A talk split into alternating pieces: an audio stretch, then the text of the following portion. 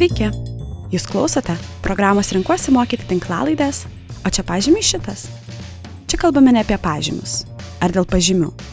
Su mokytojais, švietimo ekspertais, renkuosi mokyti bendruomenę, čia kalbame apie švietimą, ugdymą, patirtis mokyklose ir ne tik. Apie vaikus, psichologiją, apie tyrimus čia ir svetur. Kviečiame pasinerti į švietimo pasaulį, kuriame yra kur kas daugiau nei vien tik pažymiai.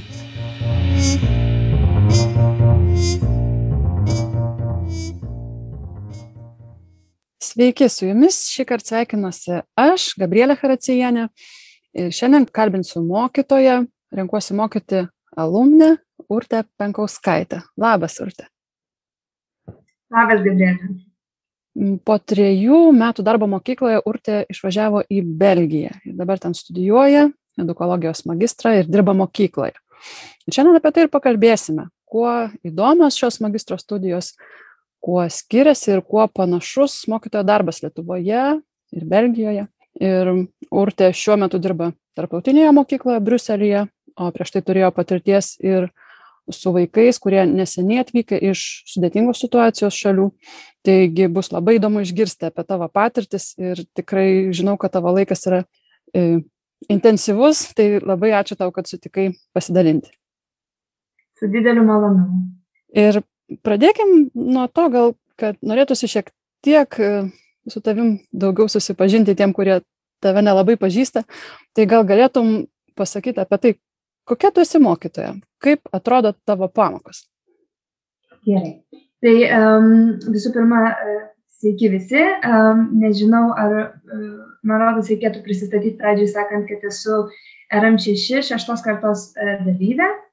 Pradėjusi mokyti berots 2015 e, metais, tai jau geri penki metai.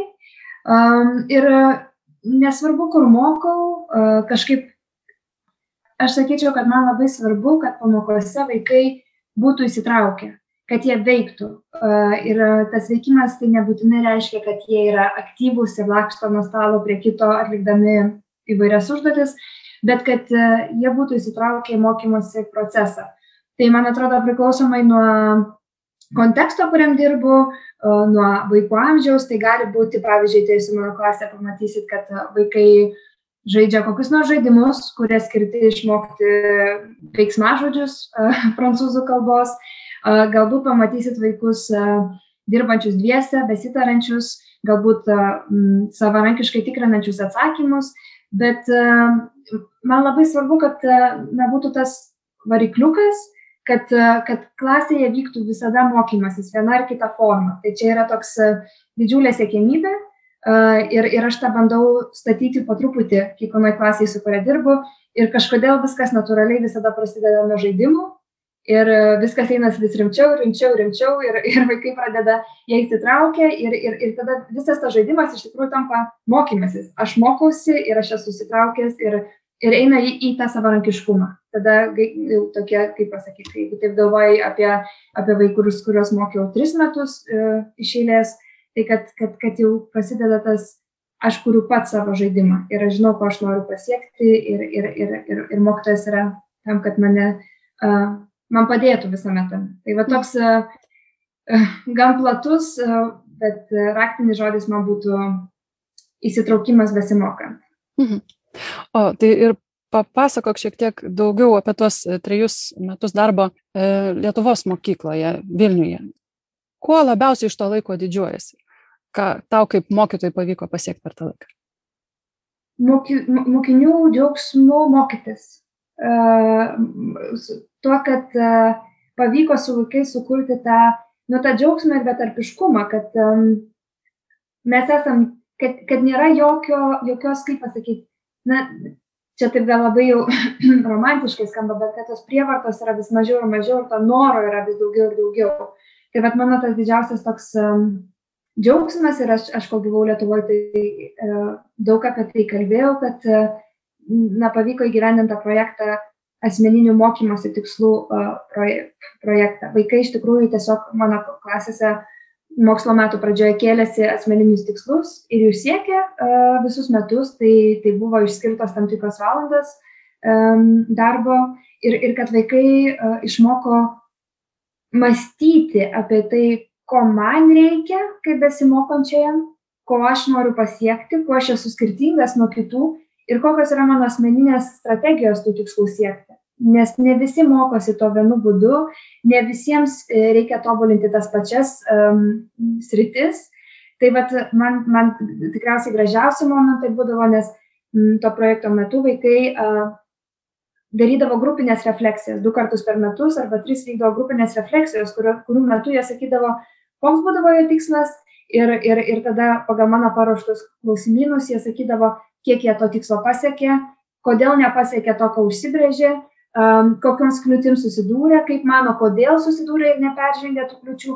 Ir ta kiti vaikai, jie buvo kviečiami ir jie visi dalinosi patarimais, kaip įveikti kliūtis, kaip būtų galima kitaip galbūt performuluoti tam tikrus uh, uždavinio, to tikslo kažkokias savybės, gal, gal, gal, nu, bet ir, ir vaikai tada klausdavo, o kaip tu pamatuosi, o kaip tu žinosi, kad įvyko pažanga, o va aš tai žiūrėk darau taip, ten pasidariau tokias, o kokius, va aš tai darausi tokias mokymosi korteles. Ir va sėdžiu autobusą ir man padeda, arba va mokytas sakė, tai yra gera programėlė kvize.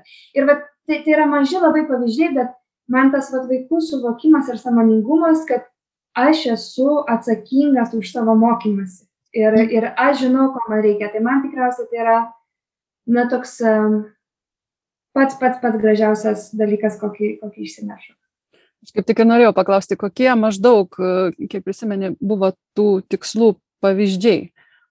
O, tai buvo įvairių, pavyzdžiui, atsimenu, kad viena mokinė, jai labai reikėjo dirbti uh, tarimą, prancūzų kalbos tarimą. Uh, tai yra, nu, tokia, kaip pasakyti, kažkuriuo metu matytinai, nu, bet, nu, nu, tikrai momentais, kur, kur jau nebegaliu aš dirbti to tarimo su visa klase, nes jau kiti kaip ir perėjate. Tai ir nesakė, ir neužsibrėžė e, tikslą, man atrodo, perskaityti vieną ar du puslapius bet kokios uh, knygos be jokios tarimo klaidos. E, ir jinai tuo metu, kaip jinai siekė to uždavinio, jinai visus metus klausė uh, dainų, atidainavo dainas, vertėsi dainas. Ir, ir, ir tikslas buvo uh, tiesiog nu, tvarkyti tarimą. Ir jinai ateidavo tom valandom, kai būdavo išskirta, jinai turėdavo ausinukus ir jinai klausydavo ir bandydavo atkartoti.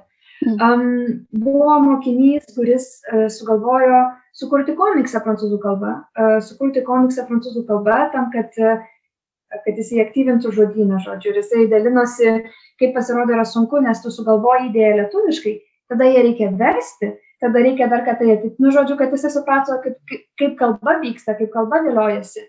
Um, buvo mokinių, kurie norėjo, pavyzdžiui, mokslo metų gale gebėti kalbėti trim skirtingom temom - apie maistą, apie laisvalaikį ir, nežinau, apie keliones, tarkime. Ir jie darėsi savo mokymosi knygutės. Uh, išsireiškimai, žodžiai kalbėti, pavyzdžiui, apie keliones. Uh, ir ieškodavo patys internete, patys rašydavosi, kurdavosi tas uh, knygutės tai kartais pavyzdžiui tie mokiniai kaip jie pasibandydavo ar aš pasakiau savo uždavinį paprašydavo manęs su jais pakalbėti su jais tris keturias minutes ir pažiūrėti ar jie išlaiko pokalbį. Nu va taip jie pasimat nes kas man yra labai svarbu ir tuose projektų to asmeninėse mokymosi tiksluose kas buvo man labai svarbu tai kad būtų galima pamatuoti tai nebūtinai turi būt labai tikslu bet aš turiu žinot kad aš padariau progresą kad aš nuėjau kelią tai aš visą laiką mokinių prašydavau nu nurodyti E, kaip tu žinai, kad tu pasakė uždavinį? Kaip tu sužinosi, kad tu, kad, tai va, pavyzdžiui, dėl to mokiniai ir išsikeldavo, gebėti pakalbėti tris minutės apie kelionę. Uh, ir mes kalbėdavom. Ir, ir, ir, ir tiek, ir tas tikslas niekada nebūdavo, aš jo nevertindavau, jokio pažymio už tai niekada nebuvo parašyta. Niekada. Um, dėl to, kad daug svarbiau yra pats procesas, kaip jie įsijungia į jį, o, o rezultatas tai vėlgi aš palikdavau jiems patiems vertinti, bet visi kartu grupiai visada pasidžiaugdavo. Hmm. Ačiū labai smagu, smagu girdėti. Pereikim tada prie studijų. Tu tada po trejų metų išvykai į Belgiją studijuoti, taip? Tai kiek jau tau laiko studijų praėjo ir kiek dar liko? Tai, tai yra treti metai, tai jau nu, studijuoju du su pusę metų, tai liko šeši mėnesiai, vienas semestras ir kaip tos studijos atrodo?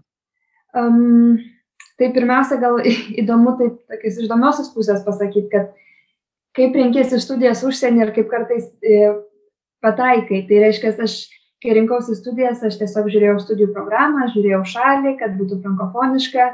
Um, mačiau, kad studijos yra tik tai du kartus per savaitę, nes skirtos suaugusiems tarsi. Uh, nu tai galvau nieko tokio, čia gal kaip nors susitvarkysiu, galėsiu greičiau pereiti ten du metus per metus. Ir visai neįsigilinau į vieną labai stiprią studijų, tokį stiprų aspektą, kad yra be galo daug grupinio darbo, darbo grupėse. Ir nuo pirmos dienos paskaitose mes, mums buvo pasakyta, kad mes turim susirasti keturis žmonės, be mūsų tai penki, šeši žmonės maždaug grupėje, optimaliai penki, su kuriais dirbsime visus metus. Ir mūsų darbų sėkmė priklausys nuo tų žmonių.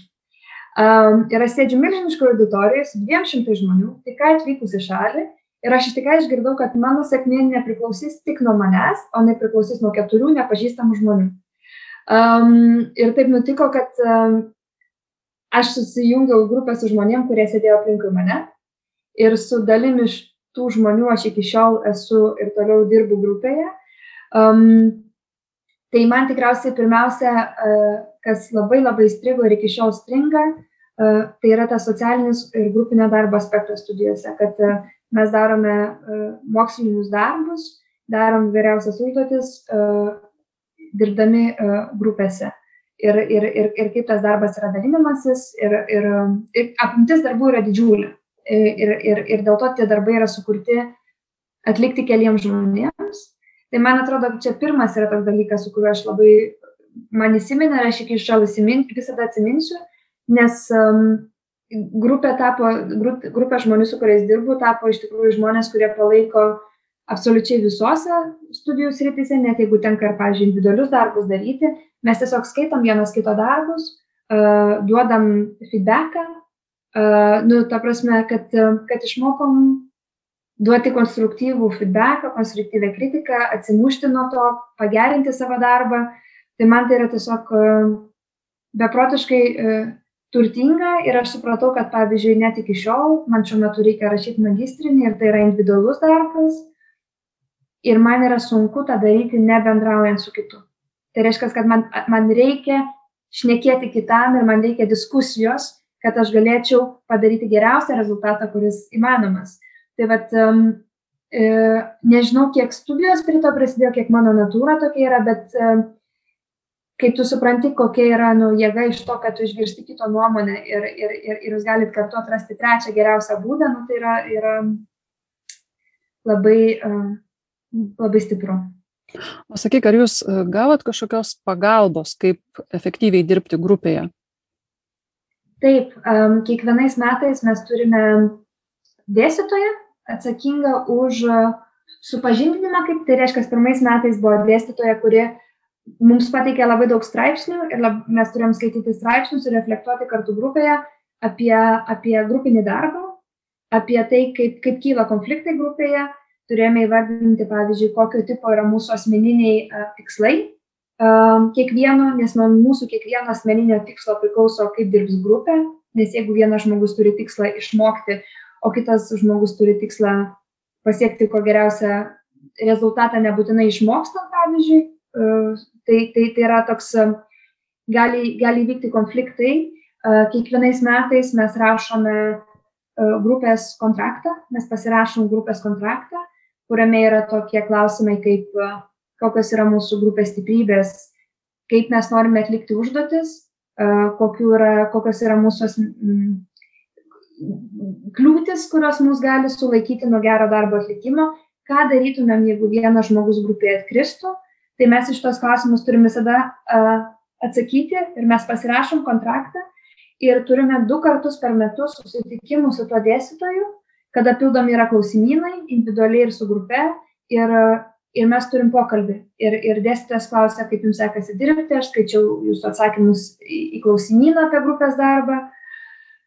Ir yra buvę tikrai atveju, kai, kai, kai mano atvejis yra labai, kaip pasakyti, man labai nuskilo, nes niekada nebuvo jokių nei nesutarimų, nei konfliktų, visi dirba be proto, iš širdies yra tikrai visi turim visiškai panašų požiūrį į mokslą, bet yra buvę grupių, kurios turėjo skirtis, turėjo išsiskirti, turėjo prisijungti prie kitų žmonių dirbti ir tuo, tuo metu dėstytojas tampa tokiu moderatoriumi.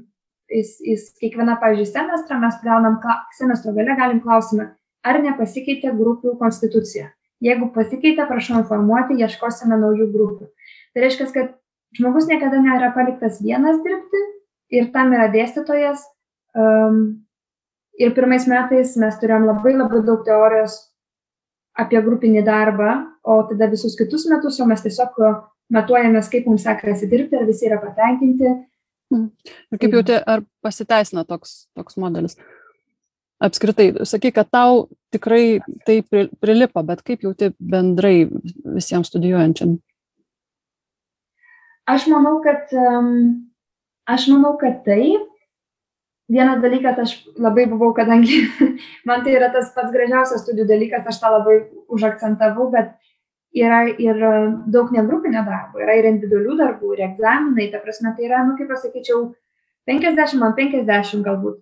Tiesiog, kadangi um, grupinio darbo apimtis yra didžiulė, tai reiškia puslapių skaičius parašyti darbą atlikti, tai jis tiesiog tas 50 išsiplečia į labai didelės apimties darbus. Um, bet man atrodo, kad taip, tai, yra, tai ir tai pasiteisina dėl to, kad um, vienas iš jų um, argumentų buvo, aš jeigu neklystu, tai šitas modelis yra, man pasakoja, kad yra paimtas iš kanadiečių, iš 92 metų kanadiečių uh, mokytojų rašymo modelio, bet tikrai reikėtų patikrinti, nes čia iš lūpų į lūpas šitą informaciją atėjo, bet um, kuo daugiau mes kalbam apie mokytojų bendradarbiavimą, ar ne? Visos reformos, ypatingai Belgijoje, yra nukreiptos, kad mokytojai turi bendradarbiauti. Tai vienas iš tokių argumentų, kodėl to, šios studijos yra pagristos tokiu grupiniu darbu, švietimo atstovai, švietimo žmonės turi mokėti dirbti vieni su kitais, jie turi mokėti um, išgirsti ir, ir kurti kažkokį naują produktą. Tai čia toks um, vienas iš irgi argumentacijos, kodėl, kodėl toks grupinis darbas ir kodėl jo tiek daug. Ir būtent studijų metu tau teko atlikti ir praktiką, taip? Tai yra labai praktika paremtos studijos, kaip suprantu, taip? Gal galėtum daugiau apie tai papasakoti? Studijose labai yra pabrėžiama, kad mes esame uh, praktikuojantis e, mokslininkai. E, mokytojas, kuris nuolatos masto apie savo praktiką, e, ją tikrina moksliniais straipsniais ir atneša kažkokių pokyčių, teigiamų pokyčių. Dėl to jiems yra labai svarbu, kad visi žmonės, kurie studijuoja, yra aktyviai dirbantis, būtų aktyviai dirbantis. Ir aš, kai atvažiavau pirmais metais, aš nesidarbinau jokioj mokykloj, nes norėjau atsiduoti studijom. Ir tada sužinojau, kad, kad turėsiu atlikti stažą, ilgą stažą, 3-4 mėnesių, tam, kad galėčiau iš tikrųjų panaudoti žinias, kurias, kurias mums duoda universitete. Ir aš atlikau stažą valstybiniai mokyklai su vaikais, kurie yra neseniai atvykę į Belgiją. Tai tos klasės vadinamos DESPA, klasėmis ir jos yra skirtos uh, visiems bet kokio amžiaus vaikams nuo 6 iki 18 metų ar nuo 2 iki 18 metų, kurie yra atvykę į Belgiją ir gyvena Belgijoje mažiau negu metai. Tai reiškia, tai yra kalba apie integraciją vaikų, kurie nekalba gimtają kalbą, bet kurie turi mokytis ir gauti visus reikiamus sertifikatus mokykloje. Ir tos klasės pasižymi tuo, kad yra sustiprintas kalbos mokymas, tai yra mažiausiai 15 valandų per savaitę vaikai mokosi prancūzų kalbos ir tada matematika ir, ir, ir, ir, ir truputėlį kitos disciplinos. Tai aš dirbau su, šitais, su šiomis klasėmis, e, su vaikais, kurie yra 17, 16, 12 metų, jie yra vienoj klasiai, nes jie yra grupuojami ne pagal amžių, bet pagal buvimą Belgijos teritorijų laiką ir kalbos mokėjimą. Tai reiškia, aš dirbau su, su, su klase, kuri beveik visiškai nekalbėjo prancūziškai ir pradėjo mokytis keturių, ket, prieš keturis mėnesius. Uh, toje klasėje buvo daug, daug vaikų iš kariaujančių šalių, uh, beveik galbūt 8-9 vaikai buvo iš Sirijos, uh, kai kurie iš jų netekė tėvų, tai toks yra dvigubas iššūkis, kad ne tik mokinti kalbą, bet ir tvarkyti su labai daug emocinėmis reakcijomis kiekvieną dieną klasiai. Tai mano tikslas šito, šito, stažuoti, šito stažo buvo diferencijuoti mokymą, diferencijuoti vaikams mokymą e, vienoje klasėje. Tai reiškia, yra vaikai, kurie nekalba prancūzų kalba, bet kai kurie mokosi greičiau, kai kurie mokosi lėčiau, kai kuriem yra 18 metų, kai kuriem yra 14 metų kai kurie visai dar nerašo, o kai kurie jau gali, pavyzdžiui, parašyti net ir mažosiom didžiosiom raidėm. Ir aš pastebėjau, kad kai aš stebėjau tas pamokas prieš pradedama uh, mokyti vaikus, aš mačiau, kad kai vaikai net beturi ką veikti, nes jie padaro greičiau, arba kai vaikai nesupranta, ką reikia daryti, kyla didžiulė frustracija klasiai. Jie pradeda vienas kitą mm, gal nemušti, bet vaikščioti, kyla, kyla labai, labai didelės emocinės reakcijos. E, nes e, kai, kai nesupranta, pavyzdžiui, užduoties ir, ir, ir vaikas, kuris, pavyzdžiui, neįraugęs, pavyzdžiui, be, be, be tėvų arba, arba patyręs daug tokių trauminių situacijų, yra milžiniška frustracija, nesuprasti užduoties arba negalėti padaryti užduoties, tai yra, nu jam tai prilyksta tragedija, jis nežino, kaip tvarkyti su šitais mechanizmais Um, tai aš uh, labai norėjau šitoje mokykloje išbandyti labai daug diferencijuoto ūkdymo uh, strategijų ir aš pradžioj stebėjau vaikus, aš rašiausi, kaip jie reaguoja į tam tikras užduotis, kas greičiau dirba, kas lėčiau dirba.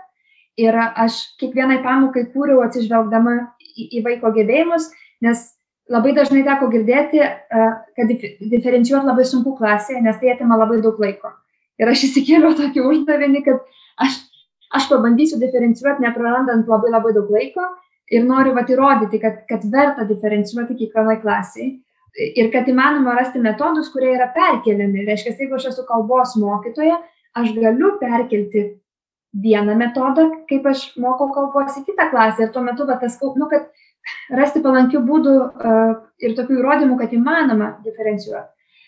Mm, e, laiko pamokoje ar laiko besiruošiant, kad daug užtrunka, bet noriu. Laiko sustiprint. besiruošiant. Mm?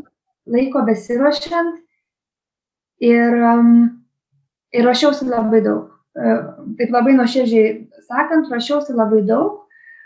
Ir rezultatas viso to buvo toks, kad um, manau, kad metodus įgyvendinti pavyko. Ir vaikam, mokytai pradžioj su labai didelė baime žiūrėjo, negalima leisti vaikam vaikščioti klasiai, negalima, nes bus bardakas. Um, negalima duoti žaisti, reikia laikyti kuo, kuo stipriau juos, nes reikia mokytis kalbos. Ir aš kažkaip priešinausi visam tam ir, ir, ir vaikai, aš mačiau, buvo labai sunku, nes, nes šituose vaikai tiesiog neturėjo įgūdžių apskritai mokytis. Tai ką kalbėti apie sakymą, eik pasim dabar atsakymus ir surask dvi klaidas, kurias padarėjai. Ar ne? Nes uh, jeigu aš noriu dirbti su daug vaikų individualiai, aš negaliu laukti kartu taisytis visų atsakymų. Nu, negaliu, nes vienas padarė dešimt kartų greičiau. Ir, tai iš pradžio buvo daug to tokio sumaišties, bet aš mačiau, kad po truputį, kad įmanoma, kad vaikai išmoksta, aha, dabar padariau, dabar einu pasimti atsakymą, dabar sudedu tą lapelį ir tikrinu su savo atsakymu.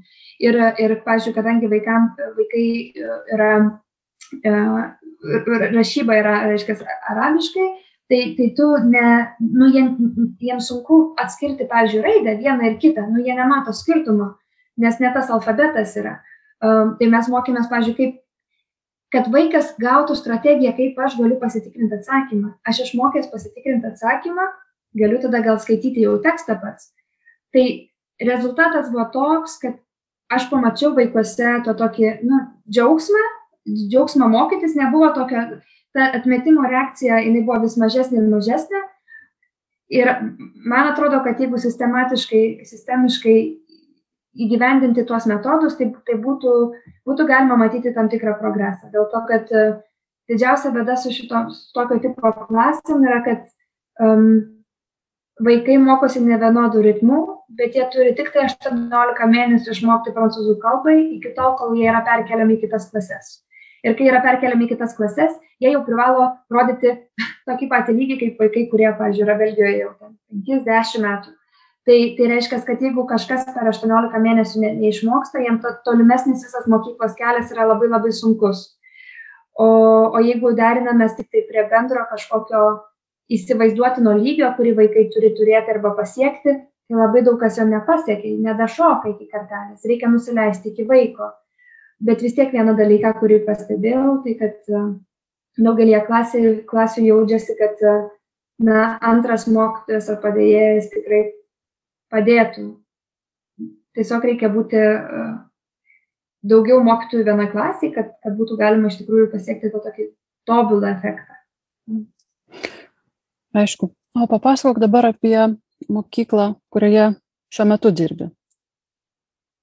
Tai dirbu mažoje e, tarptautinėje mokykloje, mokome pagal e, bakalauriato sistemą, nuo pačių mažiausių iki pačių didžiausių. Mokau prancūzų kalbos kaip užsienio kalbos mokykla yra dabar nu, visą laiką abejoju, niekada nesuskaičiuoju, bet mes esame apie 12 vidurinės mokyklos mokytojų. Tai kolektyvas labai mažas. Santykiai su, pavyzdžiui, direktorium, pavad, direktorė pavaduotoja yra labai, uh, nu, tokie pakankamai betarpiški, nes mūsų labai yra mažai, direktorė visada čia, jos kabinetas yra šalia visko. Um, jinai visą laiką kaip pasakyt tai nėra tai yra žmogus pas kurį tu ateini iš ryto pasisveikinti ateini su mažiausia problema su didesne problema ir kas galbūt toks um, išskirtinis bruožas irgi tai yra, kad kiekvieną savaitę, pavyzdžiui, su komanda turime um, ben, susirinkimus, tokius skirtus bendradarbiavimui, bet kalbėti apie mokinius, kurie trunka valandą. Uh, ir tai, bet čia taip pat yra, čia nėra išskirtinis mano mokyklos bruožas, bet tas yra Belgijoje apskaitai, kad uh, jiems yra išskirta 60 valandų uh, bendradarbiavimo veiklom kartu mokykloje. Ir dažnai tos 60 valandų išsiskaido į vieną susirinkimą uh, per savaitę. Tai vad tą mes ir darome mokykloje. Atsiprašau, 60 valandų per kokį laiko? Per metus. Per metus. Taip, per metus. Taip. Tada irgi čia aš galiu kartu ir papasakoti tiek mokyklos bruožas, bet kartu ir Belgijos tai jie turi um, tokias vadinamas žurnai pedagogik. Tai yra pedagoginės dienos, uh, kada visą dieną mokytojai mokykloje irgi dirba ir vaikai neina į mokyklą. Ir tokių dienų per, per metus turi būti mažiausiai trys. Tai reiškia penktadienis, ketvirtadienis, vaikai neina į mokyklą, o mokytojai visą dieną dirba uh, prie bendrų projektų, prie to, ką nusprendžia galbūt uh, direktorė, galbūt E, leidžia dirbti kartais disciplinų grupėm, tai tada dirba kalbų mokytojai, matematikos mokytojai kartu. O ką tuo metu veikia vaikai? Džiaugiasi gyvenimu. vaikai neina į mokyklą. tai, um, tai čia, bet čia yra visiškai priimta norma. Ta prasme, visi, visi, kas yra Belgijoje, žino, kad uh, tik tai tos uh, galbūt pedagoginės dienos yra komunikuojamos tėvam iš anksti, kad jeigu mažesni vaikai, tai kad rastų galbūt ar auklę, ar, ar, ar, ar kur kitur juos užimti.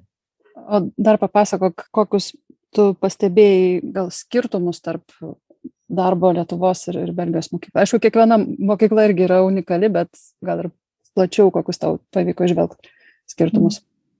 Tai man sunku, tiesą sakant, aš tai pradėčiau, žinok, e, ne nuo skirtumų, o nuo bendrumų. Mhm. Nes bendrumų yra daugiau negu, negu gali atrodyti. Reiškia, e, aš kai atvažiavau čia, aš galvau, kad kiek aš daug išgirsiu visko naujo, kaip aš čia galėsiu viską pritaikyti Lietuvoje. Ir, ir kai pradedi kalbėti, kai pradedi kalbėti su mokytojais, su direktoriais, bet kai pradedi rašyti darbus ir analizuoti šalies situaciją, um, supranti, kad klausimai yra tie patys. Tai gal kas įdomu ir labai didelis yra mm, visų, labai daug diskusijų vyksta apie tai, tai kad yra um, Belgijoje buvo nustatyta, reiškia, kad yra labai didelis uh, akademinis skirtumas uh, tarp vaikų. Uh, man rodos, uh, keturi ar šeši metai, kad tai yra, nu, vienas, viena, ta prasme, viena iš neligi, neligi, neligivertiškiausių, neligi, neligiausių šalių, neligivertiškiausių galimybių šalių, iš šalių Belgija yra. Ir OCD, tai čia buvo paskelbti rezultatai, kurie tada nusukėlė be galo daug diskusijų ir nuo pat to laiko yra kalbos apie kaip sumažinti atskirtį, pavyzdžiui, tarp vaikų akademinių pasiekimų. Vaikai, pavyzdžiui, čia gali rinktis, galėjo rinktis laisvai, kurias mokyklas eina ir direktoriai galėjo nuspręsti priimti ar ne. Nu, ta prasme, kad buvo visas prieimimo procesas, kas, kas sukėlė didžiulę mokyklų segregaciją. Buvo gerų ir blogų vaikų mokyklos. Tada įvairiais dekretais iki šiol bando maišyti, taip sakant, tas mokyklas, kad vaikai būtų integruoti, kad būtų skirtingų um, tiek socialinių ekonominių padėčių vaikų, tiek akademiškai, žodžiu, ir tą bando visokiais dekretais nustatyti. Tai man atrodo, kad tas galbūt šitą aš, iš kiek aš pamenu, galbūt iš, iš tokios vilnietiškos perspektyvos yra mažiau Lietuvoje. Yra, yra, atrodo, kad kalbam apie labai geras mokyklas, bet kažkaip neteko matyti, kad yra 50 procentų, kur nenori patekti ir, ta prasme, kad vis tiek atrodo, kad, tos, kad vaikų yra įvairių mokyklose, kad įvairovė yra didesnė negu, negu kad Belgijoje. Tada toks panašumas irgi yra, kaip tik galvojau, kad kaip įdomu, kad yra permastamas mokytojų parengimas Belgijoje labai stipriai ir lygiai taip pat, man atrodo, yra tokios pačios kalbos Lietuvoje jau nemažai metų, bet kartu mokytojų yra milžiniškas trūkumas Belgijoje, kas panašu, kad yra jau kuris laikas ir kalbama daug apie tai Lietuvoje. Ar ne, tai kažkaip, um, kaip tik dar vakar skaičiau straipsnį, kad 2018 metais 50 procentų Belgijos direktorių, mokyklų direktorių, uh, sakė, kad jų mokyklose trūko mokytojų. 50 procentų. Tai um, ir tada dabar e, jie priemė naują švietimo reformą, kurios niekaip dar nepritaiko, nes matyt yra baisu, ką, ką tai sukels, bet kad um, yra e, pakeistas mokytojų e, rengimo planas šiek tiek ir kuo jis yra pakeistas, kad anksčiau e, mokytojams užteko tik tai bakalauro studijų, kurios galėjo būti įgytos tiek kolegijoje, tiek universitete, o dabar jie nusprendė pridėti, kad licėjinės klasės, tai tos 3-4 paskutiniai metai, mokytojai, kurie moko tose klasėse, jie turi turėti magistrą, edukologijos magistrą. Tai, pavyzdžiui, labai įdomu, nes mes diskutuojam, pavyzdžiui, su, su kolegom universitete, ar ne, o kodėl tik tai dirbantys su licėjiniam klasėm, mm. o kodėl ne pradinių klasių mokytojai turi turėti magistrą, o kodėl ne vidurinė, kodėl ne, ne, ne, ne progymnazijų mokytojai, kodėl? Jo labiau, jeigu yra trūkumas, tai kelių kaip ir turėtų atsirasti daugiau, o ne ribojimų daugiau. Tai reiškia, mes taip, suprantate, tai man toks, žinai, ir, ir toks, ar mes imam čia Suomijos modelį ir taikom kaž, kažkuriai daliai. Ir tada kažkaip man primena, kad, pažiūrėk, Lietuva, tai problemos yra absoliučiai tos pačios, nu, tikrai labai daug panašumų. Ir kaip, pat, pavyzdžiui, kaip su jom yra tvarkomasi, tai vad Belgija priėmė Pact pour enseignement d'excellence, Tai čia yra toks jau naujoji švietimo reforma, kuri permesto viską, kad, kad vaikai nebegali likti, stengtis jų nepalikti antriems metams, kas būdavo labai dažnas frankofoniškose šalyse yra bruožas frankofoniškų šalių, kad vaikai kartoja metus, kad e, yra beprotas skatinama mokytojų bendradarbiavimas, nes yra sakoma, kad mokytojai yra pagrindiniai aktoriai, kurie keičia, nes jie, turi, jie žino savo vaikus, jie žino savo kontekstą ir jie, jiem turi būti skirtas laikas bendradarbiauti. Um, kiekvienos mokyklos prisijungia prie jos, kai jau yra pasiruošusios. Tai mokyklos turi, pavyzdžiui, pasidaryti savo inventorizaciją, įvardinti silpnas rytis, su įvardinti tikslus, kuri, ties kuriais nori pasiekti per šešis metus. Ir yra įtraukima visa mokykla. Uh, ir, tos, vat, uh, ir, ir, ir toks yra va šitos reformos uh, viena iš sudėtinių dalių. Tai gal man toks atrodo, kaip e, sunku sakyti, man, kaip pasakyti, aš dabar, kadangi jau, jau tie treti metai yra čia ir kadangi labai daug darbų apie tai rašom, tai labai gerai žinau Belgijos realybę, kas yra labai įdomu, bet e, ne, nežinau, pažiūrėjau, kaip yra Lietuvos su reformu. Mhm. Nežinau. Uh, tai, tai man atrodo vis tiek sakyčiau, kad yra, jau seniai girdėjau, kalbant Lietuvoje apie tokio masto reformą. Tai aš sakyčiau, kad Belgija tuo, tuo skiriasi ir įdomu žiūrėti, kaip mokyklos po truputį įsitraukia, kaip mokytojai tai reaguoja uh, ir bus labai įdomu žiūrėti, nežinau, po dešimt metų, kokios, kokie, yra, kokie yra rezultatai tokios, nu, daug, daug, net nežinau, globalios, tai yra didžiulė globali švietimo, uh, švietimo reforma. Labai įdomu, kaip paminėjai, kad mok, mokyklos gali prisijungti tada, kai, kai yra pasiruošusios. Tai kaip įdomu, kaip tai, kaip tai veikia ir kaip apskritai mokytojai reaguoja. Na, tai.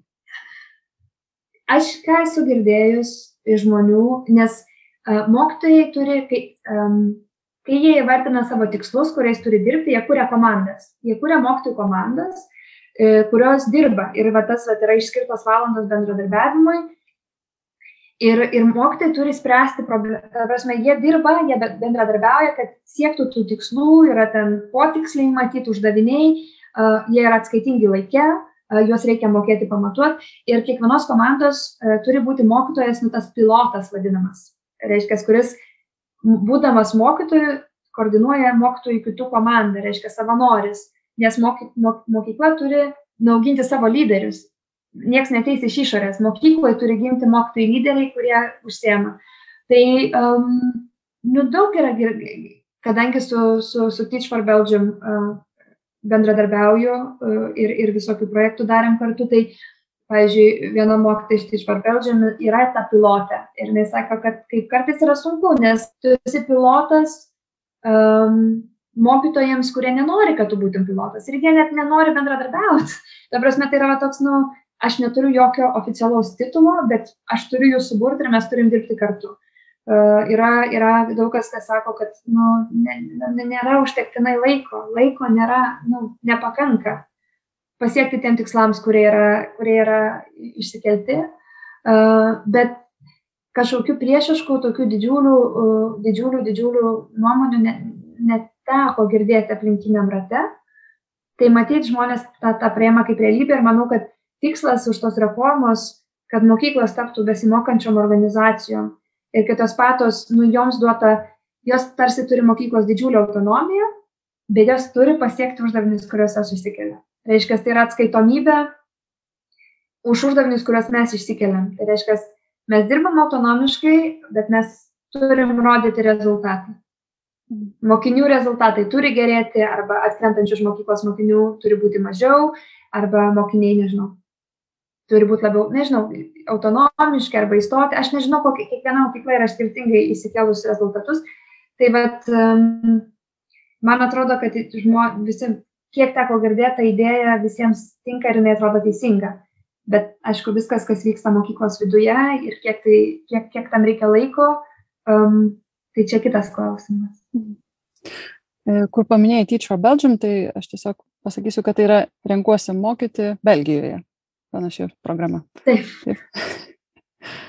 Ar panašus renkuosi mokyti žmonės Lietuvoje ar Belgijoje? Taip, taip. Panašus, apskritai, nu, faina, faina ta jėga, kai sakai, kad aš, va, man tyč prabė Lietuainė, nu, tai toks iš karto, a, okay, okay, tai tu žinai dalykus. Tai, tai toks um, smagu, bet yra, bet yra skirtumų. Yra skirtumų, um, taip kaip, pažiūrėjau, vyksta tutorialimas mokytojų, jis yra skirtingas negu pas mus. Yra labai daug stebima pamokų mokytojų, yra duodama labai labai daug um, atgalinio, vartoju angliškai, feedbacko, uh, Bet e, tai man teko eiti, pažiūrėjau, stebėti tokias pamokas. Man gal tas labai įsiminė ir jie turi tokias nu, mokymo strategijas, kurios man buvo nežinomas. E, pavyzdžiui, kai ateini tik į pamoką, veiksmas turi prasidėti toj pat. Ta prasme, tu nelauki, tu neklausi, tu vaikus meti iš karto į darbą. Nes kitaip vaikai tavęs nebeklausys. Jie išsibarstys. Tai vad man buvo tas labai įdomu, nes visiškai ne mano mokymo strategija. Aš turiu visus ten paglosti, pažiūrėti, ar visiems gerai ir tada mes pradėsim. O čia toks, taip, tai dabar, ką mes darėm tą praeitą kartą, kokios formulės, lala. Ir aš stebėjau, kaip tai vyksta. Ir jie turi, nu, tos principus, kurie turi būti matytis klasėje. Tai, nu, man labai įdomu tas buvo. Um, ir jie kalba tais terminais. Įdomu, kad jie turi tokių, kaip pasakyti, vis tiek jaučiausi nors tokio klano dalim, bendro klano dalim, bet vis tiek yra specifinių tradicijų, kurių, nu, aš nežinau. Ir tai va. Jeigu apibendrinant tavo belgiškas patirtis, ką tu labiausiai norėtum parsinešti į Lietuvą? Aš maniau prieš išvažiuodama, kad čia išmoksiu, kaip daryti kažką, nežinau, teisingai, nu tokių teisingų, teisingų būdų, kuriuos galima pritaikyti, nežinau, kažkaip tikėjausi rasti kažkokių atsakymų, kuriuos galima uh, parsinešti atgal uh, namo. Ir um, atsakymų nėra, nes, uh, nu, neturiu atsakymų. Uh, Ir atrodo, pavyzdžiui, um, tikrai daug skaitėm ir daug darbų parašėm ir, ir dabar rašau magistrinį tom temom, kurios yra nu, labai um, dažnai šnekamos, minimos Lietuvoje, tai mokytojų bendradarbiavimas, mokytojų mokymasis. Ir um, man vis tiek atrodo, kad nu, yra labai svarbu šnekėti, grindžiant šnekėjimą duomenim. Man atrodo, negalima šnekėti apie švietimą, nežinant tikros situacijos, nepasidarius savo inventorizacijos. Tai man atrodo, kad, va, pavyzdžiui, tiek skaitant e, straipsnių ir tiek diskutuojant, nu, tu turi žinoti kontekstą, kurį tu nori keisti ir tu turi jį žinoti labai gerai. Ir tu, nu, man tokio, vat, norėtųsi parvežti tokio, nu, apsiskaitimo, e, kad, kad, kad daug yra parašyta ir jau padaryta apie švietimą. Kad kažkaip atrodo, kad e, teko tikrai irgi dirbant su Teach for Belgium, ruošiam vieną webinarą ir, ir teko žiūrėti video, mokytojų bendradarbiavimo video. Ir mokytojai, pažiūrėjau, susėdė ratu, jie yra kiekvienas perskaitę po skirtingą straipsnį tai temai analizuoti. Ir jie analizuoja temą, problemą esančią mokykloje klasiai pagal straipsnius, kurie jie yra perskaitę. Ir jie ieško, atsimuša nuo kažko. Nu, bet man tokio, galbūt to nereikia daryti visą laiką, bet aš tiesiog galvoju, kiek daug žinių jau yra aplinkui, kurių mes nenaudojam ir, ir galbūt, vat, nu, vat, kaip panaudoti žinias ir resursų žmonės, kurias mes turim pas save. Man labai sunku atsakyti tą klausimą ir dėl to taip užtrunku, nes vienas dalykas yra, ką aš išmokau, vienas dalykas, kai išmokau matydama šalyje. Tai um, man atrodo, kad, kad reikia to, na, nu, aš grįžtu galbūt dažnai nuo to, nuo ko pradėjau pokalbį, nu, grupinio darbo dirbdami kartu tu randi geriausias išeitis. Ir e, vienas yra galbūt e, labai geras e, mokytojas, turintis daugybę idėjų, kitam gal patinka labai skaityti mokslinius straipsnius, trečias gal daug keliavęs ir daug matęs. Tai man atrodo, kad ką pasineš norėtųsi, tai to tokio, kad ta, ta, ta mano darbo grupė, su kuria aš, aš dabar dirbu ir kuri neša tiek daug baisių ir tiek daug supratimo, išsiplėstų, kad tai būtų kažkoks e, vis dažnesnis ir dažnesnis procesas, kad e, žmonės jungiasi ir kalba dėl to, kad rūpi ir dėl to, kad visi turi tą tikslą tokį. Tai um, taip norėtųsi sakyti, kad jeigu galbūt e, universitetuose, labai seniai buvau kažkaip Lietuvos universitete, bet jeigu mokytumėm to nuo anksčiau, galbūt tos vertybės bendradarbiavimo jos tokios labiau lengviau būtų, galbūt lengviau būtų rasti dialogą, galbūt, e, galbūt būtų galima pritaikyti to, kaip aš dabar mokosi universitete, plačiau, tiek mokytojų rengime, bet, e, bet ir kitose srityse.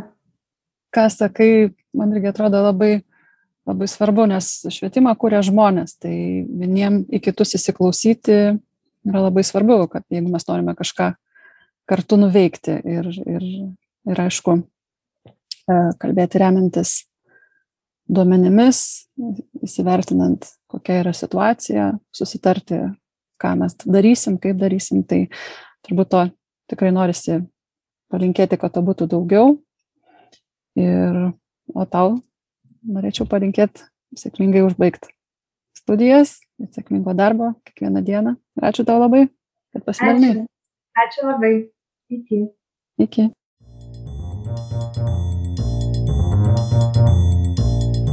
Ačiū, kad klausėte. Tikimės, kad praleistas laikas kartu jums buvo naudingas ir įdomus. Norime tobulėti ir atrasti tai, kas aktualiausia jums, mūsų klausytojai. Jei turite pastebėjimų ar idėjų pokalbių temams, rašykite mums elektroniniu paštu info etarenkuosimokyti.lt. O mūsų naujas tinklalaidas pasirodys kas dvi savaitės ir jas galėsite rasti Spotify platformoje. Taip pat kviečiame susipažinti su programa Renkuosi mokyti ir pasiekti ją Facebook ir Instagram socialiniuose tinkluose. O kol kas, iki kitų susitikimų.